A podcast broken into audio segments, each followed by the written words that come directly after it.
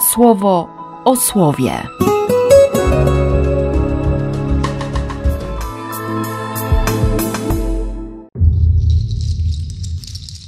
6 grudnia, poniedziałek. Z księgi Izajasza. Nasyć się weselem, pustynio spragniona wody. Niech rozraduje się pustkowie i rozkwitnie jak lilia. Pokryją się kwiatem i rozpromienią szczęściem bezludne miejsca nad Jordanem. Chwała Libanu przywrócona mu zostanie, a Karmelowi jego majestat. Mój lud będzie mógł oglądać chwałę Pana i wielkość Boga. Nabierzcie siły, opuszczone ramiona i kolana zwiotczałe. Dodawajcie sobie wzajemnie otuchy, wy, małoduszni w swych myślach. Nabierzcie siły, nie lękajcie się. Oto nasz Bóg postanawia odpłacić wyrokiem skazującym i odpłaci. On sam przybędzie i nas wybawi. Wtedy oczy niewidomych otworzą się, a uszy głuchych będą słyszeć. Wtedy kulawy skakać zacznie jak jeleń, a język jąkających się będzie mówił płynnie, bo nawet na pustyni wytryskiwać będzie woda, a w spragnionej krainie wysuszone koryta napełnią się wodą. Bezwodny obszar stanie się moczarem, a do spieczonej suszą krainy dotrą wód potoki. Rozlegać się tam będzie radosny świergot ptaków. Będą tam obszary porosłe trzciną i wilgotne łąki, i będzie tam droga starannie zadbana, nazywać się będzie drogą świętą. Nieczysty po niej chodzić nie będzie, a drogi nieprawej tam nie będzie.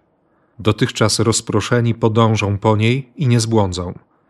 Nie pojawi się tam lew, nie wejdzie na nią drapieżna zwierzyna, nikt się tam na nią nie natknie. Podążą po niej wyzwoleni z niewoli. Za sprawą Pana znowu zgromadzeni powrócą i wejdą szczęśliwi na Syjon. Wieczna radość będzie nad nimi, nad nimi uwielbienie i wesele. Ogarnie ich szczęście, a ustąpi ból, zasmucenie i jęki. Z Ewangelii według świętego Łukasza. Gdy któregoś dnia nauczał, siedzieli tam również faryzeusze i nauczyciele prawa. Przyszli ze wszystkich okolic Galilei, Judei i z Jeruzalem, a moc pańska była taka, że uzdrawiał. Pewnej chwili jacyś mężczyźni przynieśli na łożu sparaliżowanego człowieka i próbowali go wnieść i położyć przed nim. Ponieważ z powodu tłumu nie znaleźli podejścia, żeby go wnieść, weszli na płaski dach i przez pułap spuścili go do środka razem z noszami, wprost przed Jezusem. Gdy zobaczył ich wiarę, powiedział: Człowieku, odpuszczone są tobie twoje grzechy. Wtedy uczeni w piśmie i faryzeusze zaczęli się zastanawiać, mówiąc: Kimże ten tutaj jest? On wypowiada bluźnierstwa. Kto może odpuścić grzechy poza samym Bogiem? Jezus rozpoznał ich myśli, więc w odpowiedzi rzekł im: Cóż to za myśli żywicie w swoich sercach? Co jest bardziej zdumiewające? Powiedzieć: Odpuszczone są tobie twoje grzechy? Czy też powiedzieć: Wstań i chodź? Abyście jednak wiedzieli, że syn człowieczy ma na ziemi władzę odpuszczania grzechów. Tu zwrócił się do sparaliżowanego: Rozkazuję ci: wstań, weź swoje nosze i idź do swojego domu. I on od razu, na ich oczach, wstał, wziął to, na czym leżał i odszedł do swojego domu, wysławiając Boga. Wszystkich ogarnęło zdumienie. Wysławiali Boga i napełnieni bojaźnią mówili: Dzisiaj zobaczyliśmy coś nieprawdopodobnego. I znów cały 35 rozdział, nasycony czy utkany z obietnic. Nabierzcie siły, dodawajcie sobie wzajemnie otuchy, nie lękajcie się. Dla Boga nie ma rzeczy niemożliwych. Ogarnie szczęście, ustąpi ból, zasmucenie, jęki, bo Bóg przygotuje naprawdę bezpieczną drogę. On poprowadzi. Nic i nikt nie będzie w stanie temu przeszkodzić. To będzie droga dla wyzwolonych z niewoli. I bardzo mnie dzisiaj w tych obietnicach trzyma jeszcze dziewiąty werset 85 psalmu. Chcę słuchać tego, co mówi mi Pan, Bóg. Chcę, mam w sobie tę determinację. Zrobię wszystko, żeby, żeby nie przegapić, żeby nie wypuścić słowa Boga. Chcę być posłusznym. Chcę to słowo zatrzymać, nie zawłaszczyć, ale zatrzymać, żeby było fundamentem. Nie?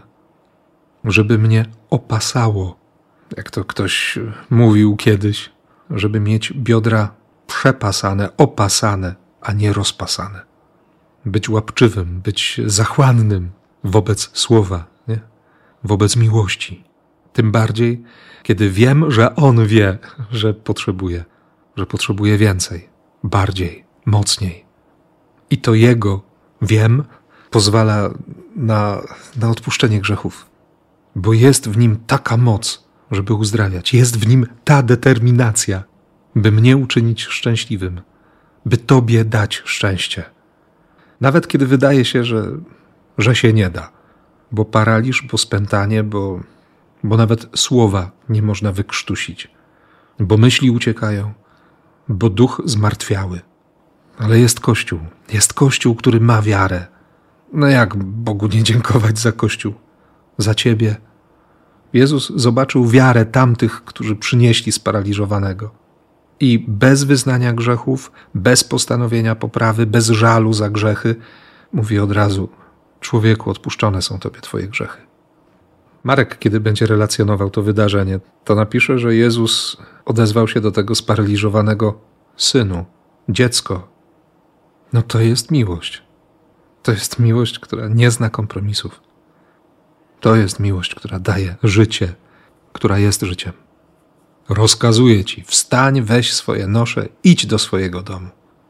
Wróć do siebie, ale jako zupełnie nowy człowiek, inny człowiek, z inną perspektywą, inaczej patrzący. Pierwszy znak zmiany życia odszedł, wysławiając Boga, i uwielbienie udzieliło się całej reszcie. Niech i ciebie dzisiaj nie ominie łaska. Chciałem powiedzieć, dopadnie łaska. Żeby ci się, może i z ust, a na pewno z serca, wyrwało uwielbienie. A ktoś inny, świadomie, mniej świadomie, ale na pewno się dołączy do tego uwielbienia. Za spowiedź, za kościół, za słowo, za miłość. Niech to będzie naprawdę Boży dzień w imię Ojca i Syna i Ducha Świętego. Amen. Słowo o słowie.